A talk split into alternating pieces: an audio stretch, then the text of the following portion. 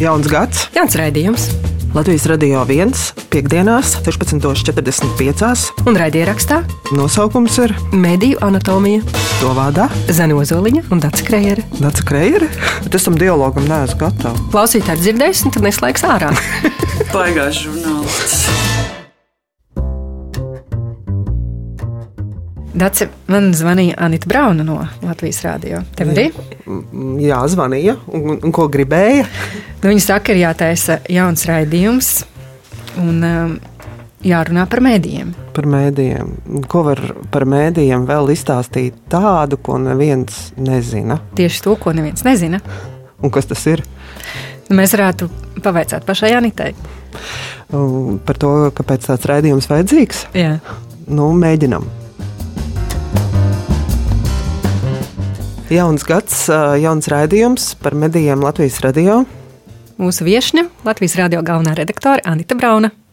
Sveicināti! Sveika! Mēs savā ziņā tevi varam saukt par mūsu krusmāti. Raidījuma krustmāti. Nē, vai tomēr Androša Kalniņa krusmāte? Nu, abējādi droši vien, jā. Uh, savu pirkstu šeit noteikti ir pielikusi arī, nu, ne noteikti, bet ir pielikusi, jā, Anna Rožu Kalne. Tādā ziņā, ka viņa uh, visu laiku mudina mūs runāt uh, um, par to, kāpēc uh, mēdīji, sabiedriskie mēdīji kaut ko dara vai nedara. Jūs pirms tam teicāt, ko gan cilvēki vēl nezina par mēdījiem, un man, ar, man pašai arī varbūt reizēm ir sajūta, ko gan cilvēki nezina par mēdījiem. Viss taču ir tik skaidrs, bet īstenībā nav tā, ka uh, visi saprot, kāpēc redakcijas izvēlās uh, stāstīt vienu vai otru lietu un kaut ko citu nestāstīt, un ka mums tas ir jāskaidro. Un, uh, uh, to saka ne tikai Anna Roža Kalna, bet arī viss, ko es esmu pēdējā gada laikā iemācījusies par uh, mēdījiem, sabiedriskajiem mēdījiem, arī um, liecina par to, ka mums ir daudz aktīvāk nekā mēs esam raduši domāt, uh, jāstāsta par sevi. Bija interesanta reakcija, kad radio kafejnīcā satikām kādu kolēģi, un viņi jautāja, ko jūs te darāt. Mēs stāstām, ka būs jauns raidījums Latvijas radio par mēdījiem, un tad ir tāda pauze. Nu, baigais temats. Kāpēc mēdīji nu, neatstāja vienaldzīgu un ir visiem viedoklis, un, un katram, katram ir viedoklis par to? Es pieļauju, ka šo tematu ir sāsinājuši sociālie tīkli un sociālo tīklu laikmets, kur uh, visi jūtās savā ziņā kā žurnālisti. Visi var kaut ko rakstīt, izpausties un tam līdzīgi. Un tā ir tā vieta, kur arī mēdījiem visbiežāk klūp virsū, un klūp virsū tāpēc, ka mēdīji stāsta kaut ko citu nekā uzskata paši cilvēki. Nu, mēs kļūstam ļauni tikai tāpēc, ka um, tas, ko mēs stāstām, neatbilst cilvēku priekšstatiem par kaut ko. Nu, tā ir tā mūsdienu realitāte, jā, un tāpēc viņi uzskata mūs par neobjektīviem, neprofesionāliem un tam līdzīgi. Kaut gan tas iemesls ir tikai tas, ka tu atspoguļo uzskatus, kas ir pretēji tā cilvēku uzskatiem. Nu, tā ir vienkārši teorija. Tā tas ir. Mēs arī runājot ar um, kolēģiem, stāstot par šī raidījuma nākamajiem tematiem, par to, ka mēs runāsim ar tevi, nonācām pie pavisam vienkārša jautājuma, kas tad ir Latvijas radio galvenais redaktors, kas ir davi, darba pienākumi, kāda ir tava ikdiena, vai tu spēj noklausīties pilnīgi visus piecu kanālu raidījumus, um, un kādas ir tavas uh, pirmā gada mācības? Nu, es, protams, nespēju noklausīties pilnīgi visu, kas skan piecos Latvijas rādio kanālos. Tas vienkārši nav iespējams. Un vēl podkāstos. Un vēl podkāstos, jā. Um, zināmā mērā tas, ko es daru, man pašai bija jāizgudro vai jānodefinē tas, ar ko es nodarbošos. Jo pirms tam šāds amats Latvijas rādio nav bijis. Latvijas rādio saražo, es atvainojos, veido milzīgu. Uh, satura apjomu šajos piecos kanālos, un tad man bija nu, jānofokusējās, jānodefinē uz visa šī milzīgā fona, kas tad ir tas, ko es daru. Jo likumā, kurš paredz, ka sabiedriskajos mēdījos būs šāds galvenā redaktora amats. Tur ir nu, varbūt kaut kāds pusotrs teikums par to, ko galvenais redaktors dara. Tas lielos vilcienos skan tā, ka veido redakcionālo politiku un pieņem vai atbild par redakcionālajiem lēmumiem. Un es nu, esmu nodefinējusi, ka ņemot vērā to milzīgo apjomu satura, kas tiek veidots radio, tas, ar ko es nodarbošos, ir nu, satura tādiem strateģiskiem attīstības jautājumiem vai arī lieliem projektiem, kas uh, skār vai kurā ir iesaistītas vairākas uh, satura veidošanas struktūra vienības, vairāki kanāli. Nu, tas ir tas, ar ko es nodarbojos. Piemēram, varu pateikt, nu, šķiet, pirmais tāds lielākais projekts, pie kura es eh, ķēros klāt un ko eh, koordinēju visu radio mērogā, bija eh, pagājušās sājumas vēlēšanas, kad nu, manā vadībā tika sakoordinēts tas viss saturs, ko mēs radio veidojam visos kanālos. Un arī tās pārmaiņas, kas no 1. janvāra dzirdamas radio pirmajā kanālā, lielā mērā es stāvu aiz tā. Par to mēs arī gribam tevi izturpināt. Jauns gads, jauns sākums. Tiešām Latvijas radio klausītāji pirmajā nedēļā jau ir izdzirdējuši dažādas izmaiņas. Piemēram, klausītākajā rīta raidījumā Labrīt.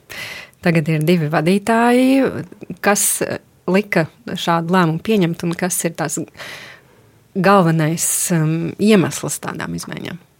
Vairākas atbildes. Pirmā atbilde ir, es priekš sevis esmu arī nodefinējusi, ka mana prioritāte e, būs, ir, un principā man liekas, sabiedriskajiem mēdījiem tā ir prioritāte, tās ir ziņas un informatīvi analītiskais saturs. Tātad e, šis ir, nu, teiksim tā, mugurkauls sabiedriskajiem mēdījiem. Un e, tas, kas skan šāda veida raidījumos, tai ir jābūt prioritātei un, un nemainīgi izcilam saturam. Nu, lūk, e, tas ir viens iemesls, kāpēc pārmaiņas ir šajos raidījumos. E, otrs, nu, mana mēraukla tam, kāpēc kaut kas ir jāmaina, viena no mērauklām ir raidījumu izvērtēšanas. Radio sistemātiski tiek izvērtēti raidījumi visos kanālos, tajā skaitā arī pirmajā kanālā. Un tad tās pārmaiņas, ko mēs īstenojam no 1. janvāra, balstās uz šiem vērtējumiem, kuri identificē kaut kādas problēmas, kaut kādus trūkumus, un mēs nu, mēģinām ar šīm pārmaiņām tās uh, novērst. Kā tādas izvērtēšanas notiek? Um, kurš vērtē vai paši veidotāji arī saka savu vārdu? Ir dažādi. Ir, nu, teiksim, tā divi līmeņi. Viens līmenis ir radio iekšienē, notiek izvērtēšanas. Radio ir tādas redkolēģijas, piemēram, informatīvi analītisko raidījumu redkolēģija, kur ir cilvēki no visiem kanāliem. Un tad šīs redkolēģijas vai šo redkolēģiju veidotas darba grupas vērtē raidījumus. Un otrs ir neatkarīgi eksperti arī vērtē. Un tas, kurus raidījumus vērtē, eh, lielā mērā nosaka kanāla vadītāji, nu, kur ir kaut kādas indikācijas, kāpēc kaut kas ir jāvērtē, vai arī, piemēram, jaunie eh, raidījumi, visi, kas eh, tiek palaisti ēterā pēc kaut kāda laika, tie tiek izvērtēti par pārmaiņām. Uh, tas, ko minēja, ka pārmaiņas, protams, mēdījos, mēdīju saturā ir ļoti svarīgi, lai gan novērstu trūkumus, gan arī bagātinātu saturu. Bet es vienmēr domāju par klausītājiem, jo man liekas, radio ir tāda, uh, tāds ieradumu mēdīs, ka tu ieslēdz no rīta rādio, tev, piemēram, runā tavi programmu vadītāji, vai tur tieši tajā laikā, kad nezinu, laikziņas, sportziņas. Tad tev ir jāvāk zābaki. Jā, un jāvāk zābaki, jāiet ārā, un tad ir pārmaiņas. Ēterā izmainās balsis, saturs, programma, parādās citu uh, radiostaciju vai, nu, citu kanālu vadītāju, un pēkšņi tu izdzirdi Tomu Grēviņu Latvijas radio viens. Protams, nedēļas laikā droši vien vēl klausītāja reakcija to tik ļoti nevar izmērīt izmērīt, bet kā ir šīs pārmaiņas, kā, eh, domājot arī par klausītāju, kurš ir pieredzējis un kuram kā, kā ir jau tā viņa ikdienas rutīna. Vai tas kaut kādā veidā, piemēram, domājot par satura izmaiņām, nebiedē radio? Nu, es rēķinos, ka sākumā cilvēkiem varētu kaut kas nepatikt vai jā, nu, ka varbūt tā pirmā reakcija simtprocentīgi visiem nebūs pozitīva. Tā tas ir iespējams, ar to ir jārēķinās, jo ieradumus mainīt nav vienkārši. Bet mēs esam pie šīm pārmaiņām ļoti ilgi un ļoti rūpīgi strādājuši. Un es ticu, ka gala rezultāts visās tajās sadaļās, ko mēs esam mainījuši, būs labs. Nu, vienkārši ir jāpaiet laikam un jāpierot, un arī cilvēkiem radio jāiestrādājās. Un arī nu, nav tā, ka mēs visu ar kājām gaisā esam uh, sacēluši. Labrītā ir tās pašas balsis arī palikušas. Tur nākuši klāt cilvēki. Diemžēl Jānis Ramāns ir izlēmis no šī gada uh, citas lietas dzīvē darīt. Līdz ar to nu, tur bija jānāk jauniem cilvēkiem viņa vietā. Um, un citādi, pulksten četros arī jūs dzirdēsiet tālēpuru, tāpat kā līdz šim. Nu, tāds varbūt radikālākais jaunums ir eh, Toms Grēviņš no pulksten 5 līdz 6 vakarā radio. Bet viņš ir brīnišķīgs, līdz ar to es esmu pārliecināta, ka tas stundas skanēs labi.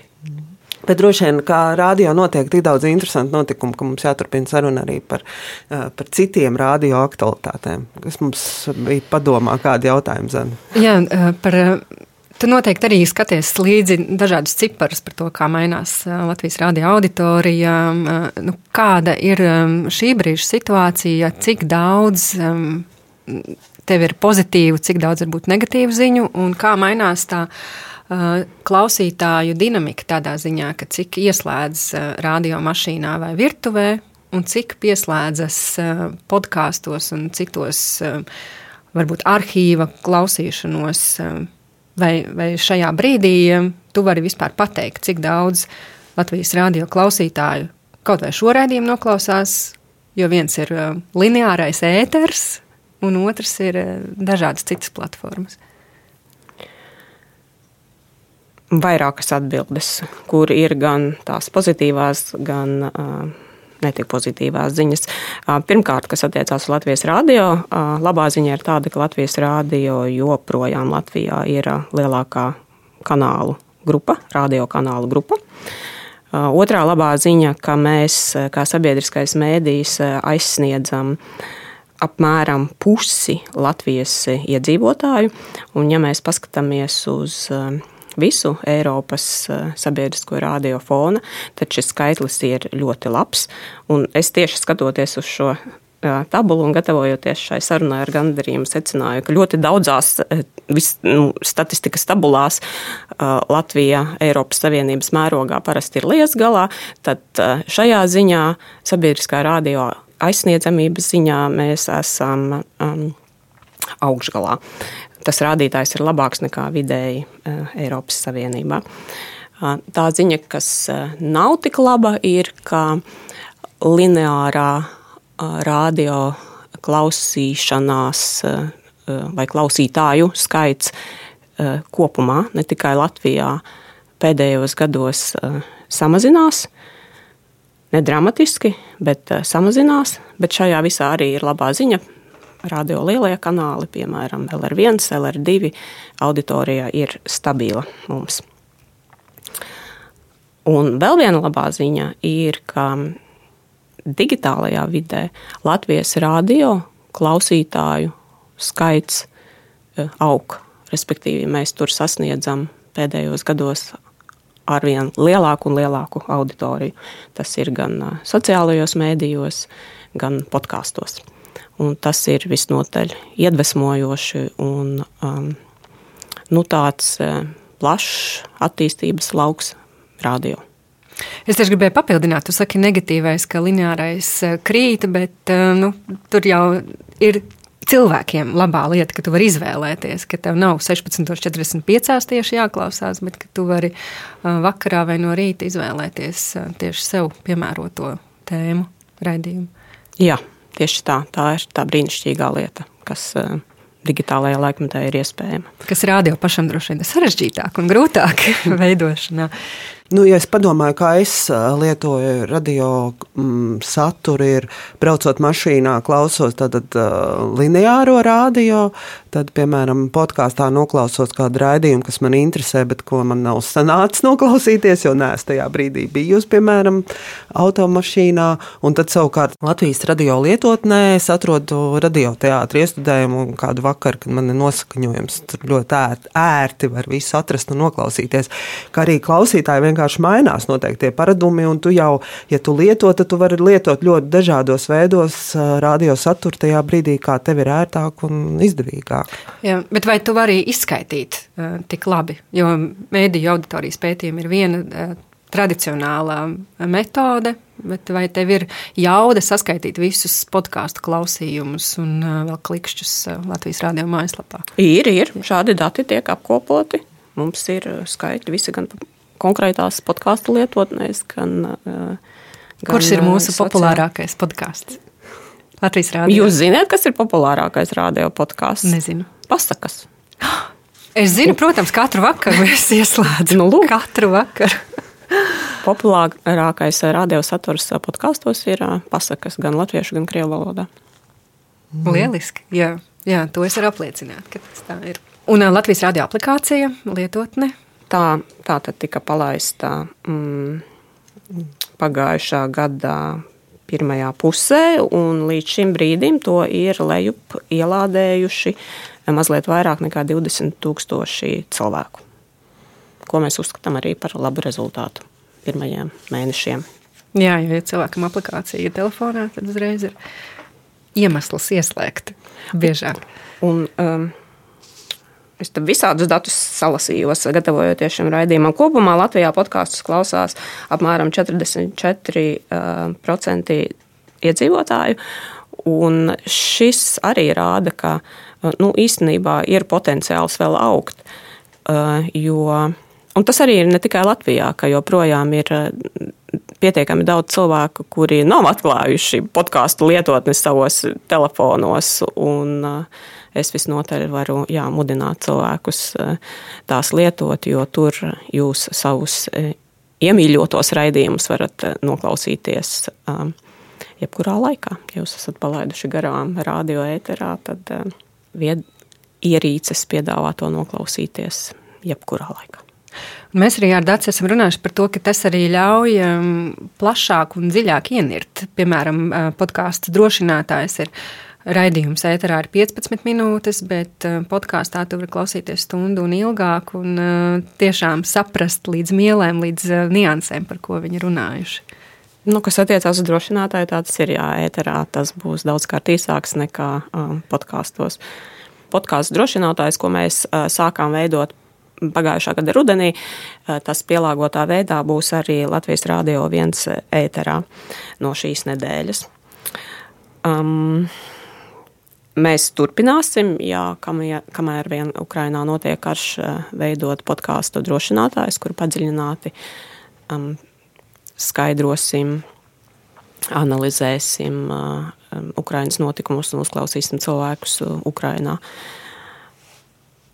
Tā ir viena lieta, ko mēs turpināsim darīt. Un, uh, kā jau radioklausītāji droši vien būs pamanījuši, eh, no pagājušā gada mums ir arī patstāvīgais korespondents Ukrainā, eh, kolēģe Indra Sprance. Tur eh, nu, ikdienā mums ziņo, un tas tā vismaz pirmajā pusgadā arī turpināsies. Jā, tad Indra Sprānce ikdienā dzīvo Kijavā un uh, brauc uz dažādām vietām Ukrajinā, bet tad, tad pusgads pagaidām ir tas um, laika. Nu, šobrīd mums ir vienošanās jā, ar viņu, kā viņa pusgadu tur paliks, un tad vienkārši skatīsimies, jo tas, tā situācija ir tik neprognozējama Ukrajinā, ka nevar zināt, kā tā attīstīsies. Un, un tas arī jāatzīst, ir finansiāli ļoti uh, dārgs projekts, ja tā varētu teikt, korespondents Ukrajinā. Līdz ar to arī mēs šobrīd dzīvojam apstākļos, kad ir tehniskais budžets. Mēs nezinām, cik daudz naudas gala rezultātā valdība mums piešķirs, un mēs varēsim atļauties, uh, ja būtu nepieciešamība ilgtermiņā, korespondentu tur. Bet varbūt tu vari padalīties tie argumenti. Jā, protams, korespondents valstī, kurā notiek karš, tas ir dārgi, bet kas lika rādio izšķirties, jā, ka mums tas ir svarīgi, ka mums ir savs žurnālists uz vietas, kurš ziņo un stāsta. Jo, jo citi mēdīji vienkārši ik pa laikam aizbrauc tur. Latvijā, jā. Jā, Latvijā. Bet, um, mm, citās valstīs sabiedriskajiem mēdījiem pat ir vairāk nekā viens žurnālists um, Ukrainā. Nu, es vienkārši uzskatu, ka no Latvijas viedokļa raugoties, uh, pašlaik uh, pasaulē nav svarīgākas vietas, kur būt žurnālistam, kā Ukraina. Nu, tur vienkārši izšķirās arī uh, mūsu, mūsu liktenis.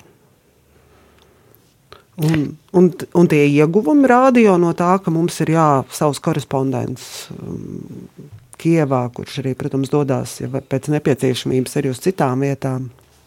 Nu, mēs uzskatām, un tas arī ir žurnālistika, tā uzskata, ja cilvēks nepastarpināti, mūsu cilvēks nepastarpināti var sniegt informāciju no karstā punkta, teiksim tā, vai no kara zonas, karas kartas valsts, tas vienmēr ir uh, uzticamāk, uh, ietekmīgāk, nu.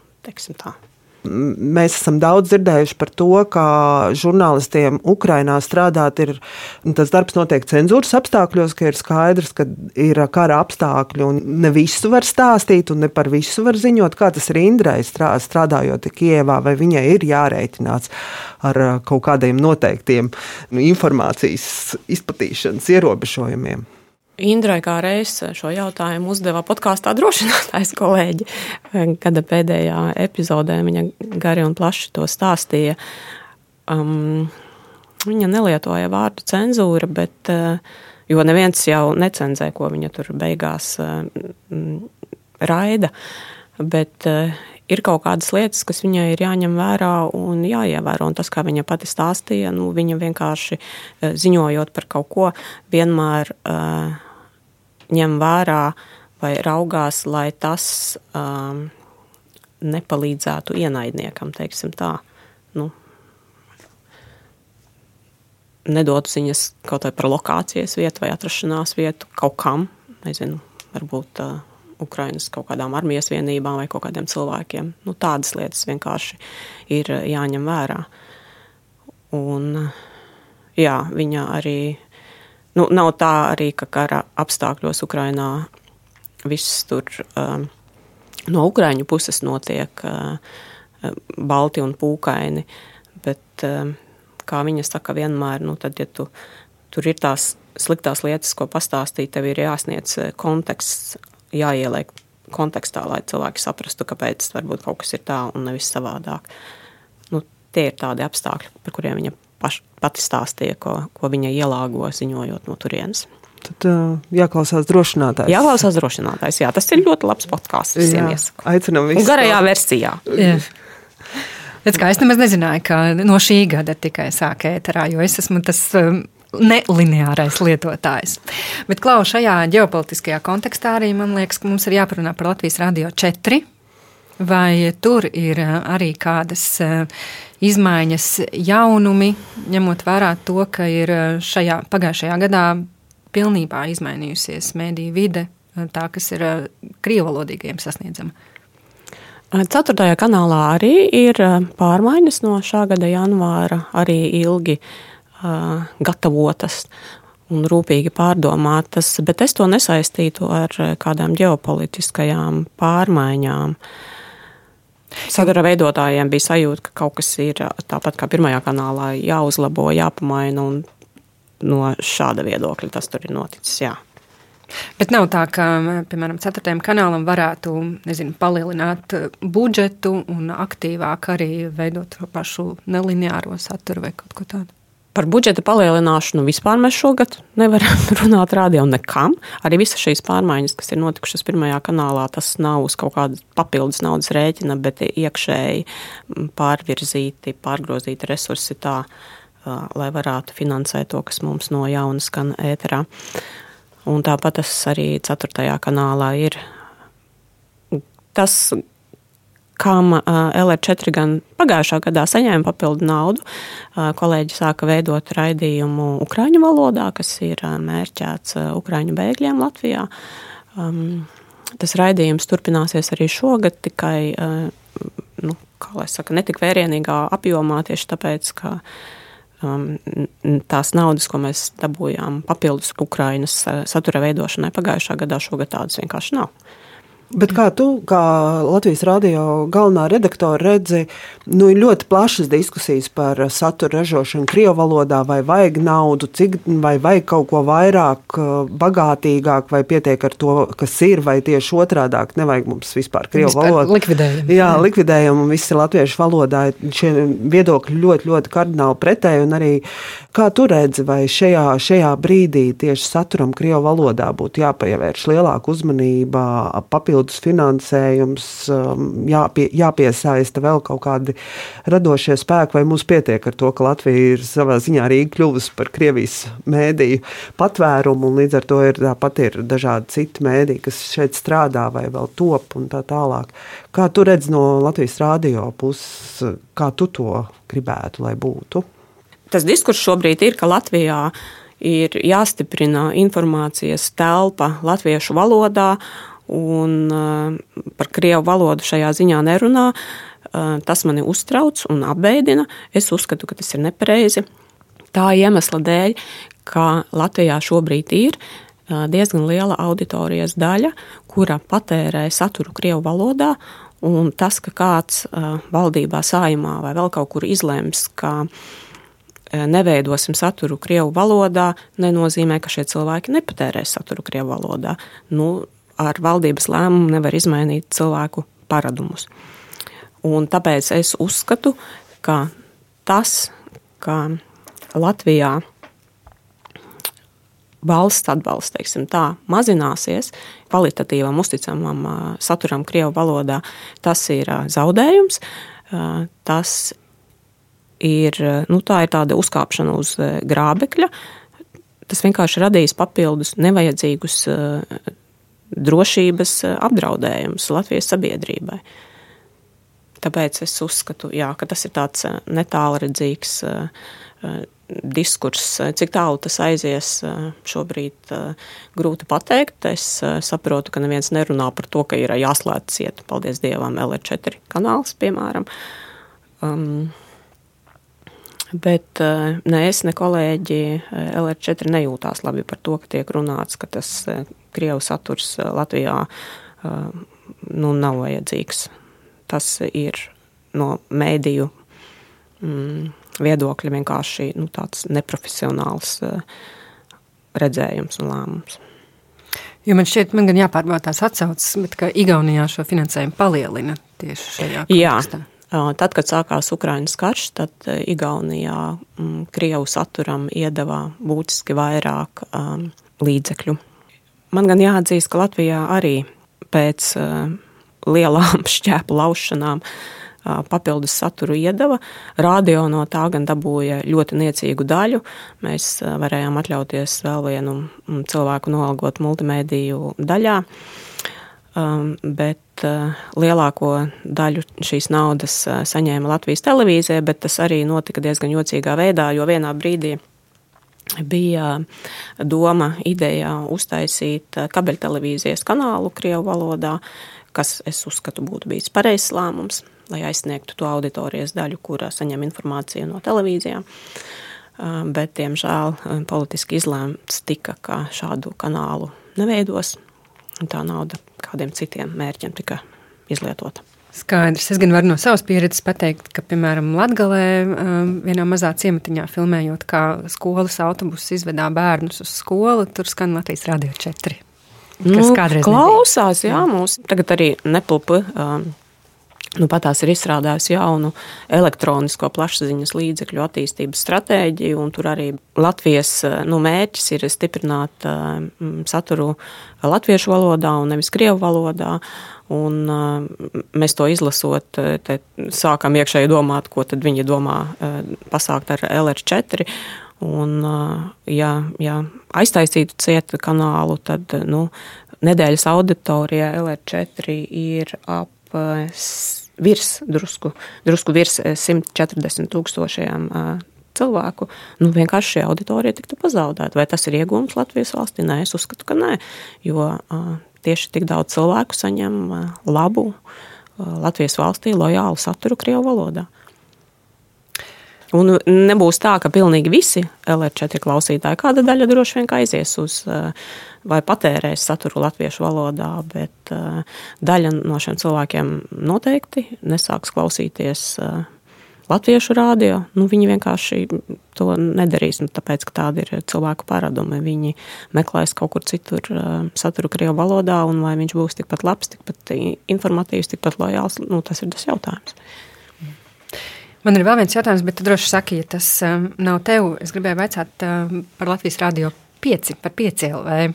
Vai tur ir kādi jaunumi par šo gadu, vai ir kaut kādi arī izvērtējumi um, par to, kā piecinieks sasniedz eh, to jauno auditoriju?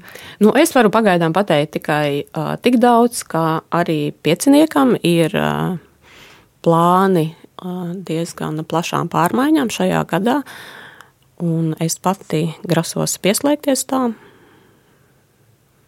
Es zinu, ka kā, kolēģim Kārlim Kazākam ir dažādas idejas tur, un es no savas puses apsolu sniegt atbalstu un palīdzību. Jā. Um, noformulēt to visu līdz galam, un tur pārmaiņas būs jā, šogad vēlāk. Par tām vēl nevar runāt. Ja? Nu, mēs nezinām tik konkrēti, lai varētu šobrīd uh, padalīties ar to. Jā. Nu, mums vēl bija um, šī gada vienam uh, lielākajam notikumam jautājums. Būs dziesmu svētki, un tu jau minēji, ir tehniskais budžets joprojām. Vai ir skaidrs, um, kā Latvijas rādio strādās dziesmu svētku laikā? Lielā mērā mums ir skaidrs, jā. Mēs jau pagājušā gada vasarā mums bija jāapkopo savi plāni un jāuztaisa tāmas, ko mēs gribētu radīt un raidīt. Un mūsu ieceres ir grandiozākas nekā sabiedrība spēja nofinansēt. Mēs um, pašlaik no nu, teiksim, tā, mutvārdu saziņas ar dziesmu svētku organizētājiem zinām tikai tik daudz, ka mēs varam rēķināties ar to budžetu, kas bija iepriekšējos dziesmu svētkos pirms pieciem gadiem. Un, um, tas nav pārāk labi, jo mēs visi zinām, kāda ir inflācija. Viena no mūsu iecerēm, piemēram, ir tāpat kā iepriekšējos dziesmu svētkos uztaisīt uh, sabiedrisko mēdīju studiju pilsētā, kurš dzīve visapkārt eh, ņirbētu un no kurienes mēs eh, visādas, nu, savus raidījumus vadītu. Un, eh, nu, kaut vai lai uzbūvētu šādu studiju, tā šobrīd nemaksā tik, cik pirms pieciem gadiem, bet naudas mums būs tikpat. Līdz ar to tas nav vienkārši jā, uzdevums. Bet uh, būs. Bet atmests tas nav vēl. Ja? Tas nav atmests. Mēs ceram, ka mēs varēsim to studiju kopā ar Latvijas televīziju uzbūvēt un no turienes uh, raidīt. Tas bija ļoti jauki pagājušajos svētkos, es to atceros. Jā, blakus dalības pieminekļi, jā, vai ne? Tur jā. visu laiku čum un muģis darbība. Mēs to sajūtu, jā, gribētu radīt arī uh, nākamajos dziesmu svētkos. Tu kā Latvijas radio galvenā redaktore, kas tev liekas tāds šajā gadā ja tas izdosies izdarīt, piepildīt, realizēt, tad jā, šis gads ir bijis rādio, nu, teiksim, veiktajā darbā vērtīgs un nu, tāds pilnvērtīgs tev pašai. Nu, es pagaidām vēl emocionāli dzīvoju tajās pārmaiņās, ko mēs esam uzsākuši no 1. janvāra. Ja tas eh, aizies un ja radio skanēs eh, labāk nekā līdz šim, tad eh, es to uzskatīšu par labu sasniegumu. Un, kā jau es minēju, jā, mēs plānojam arī pārmaiņas piektajā kanālā, un ja tur mums izdosies labi to īstenot, tad, tad arī man būs laba sajūta. Nu, mēs novēlam, lai viss izdodas arī um, grandiozākās idejas. Tātad pirmajā mediju anatomijas sērijā Latvijas radio galvenā redaktore Anita Brauna. Un noteikti daudz, daudz garāku sarunu var klausīties mediju anatomijas podkāstā. Un, noteikti, tad, ja jūs droši vien varat dot ziņu Anitai, ja tās pārmaiņas, kas jau tagad ir notikušas Latvijas radio ēterā, jums kaut kā ir jūs aizķērušas pozitīvi vai negatīvi, droši vien var dot ziņu un stāstīt, kādas sajūtas ir, ka mainījies ir kaut kas tajā ikdienas rīta rituālā. Paldies, Anita, par to, ka tā atrada laiku, atnāca pie mums. Paldies, ka uzaicinājāt. Ka varējām ar tevi kopā sākt šo jauno raidījumu. Tad lai veicas mēdīja anatomijai. Centīsimies, un tad gaidīsim pirmos izvērtēšanas uh, posmus. Būs. Uzķēršam, preparējam, aizšujam. Tāda ir mēdīja anatomija.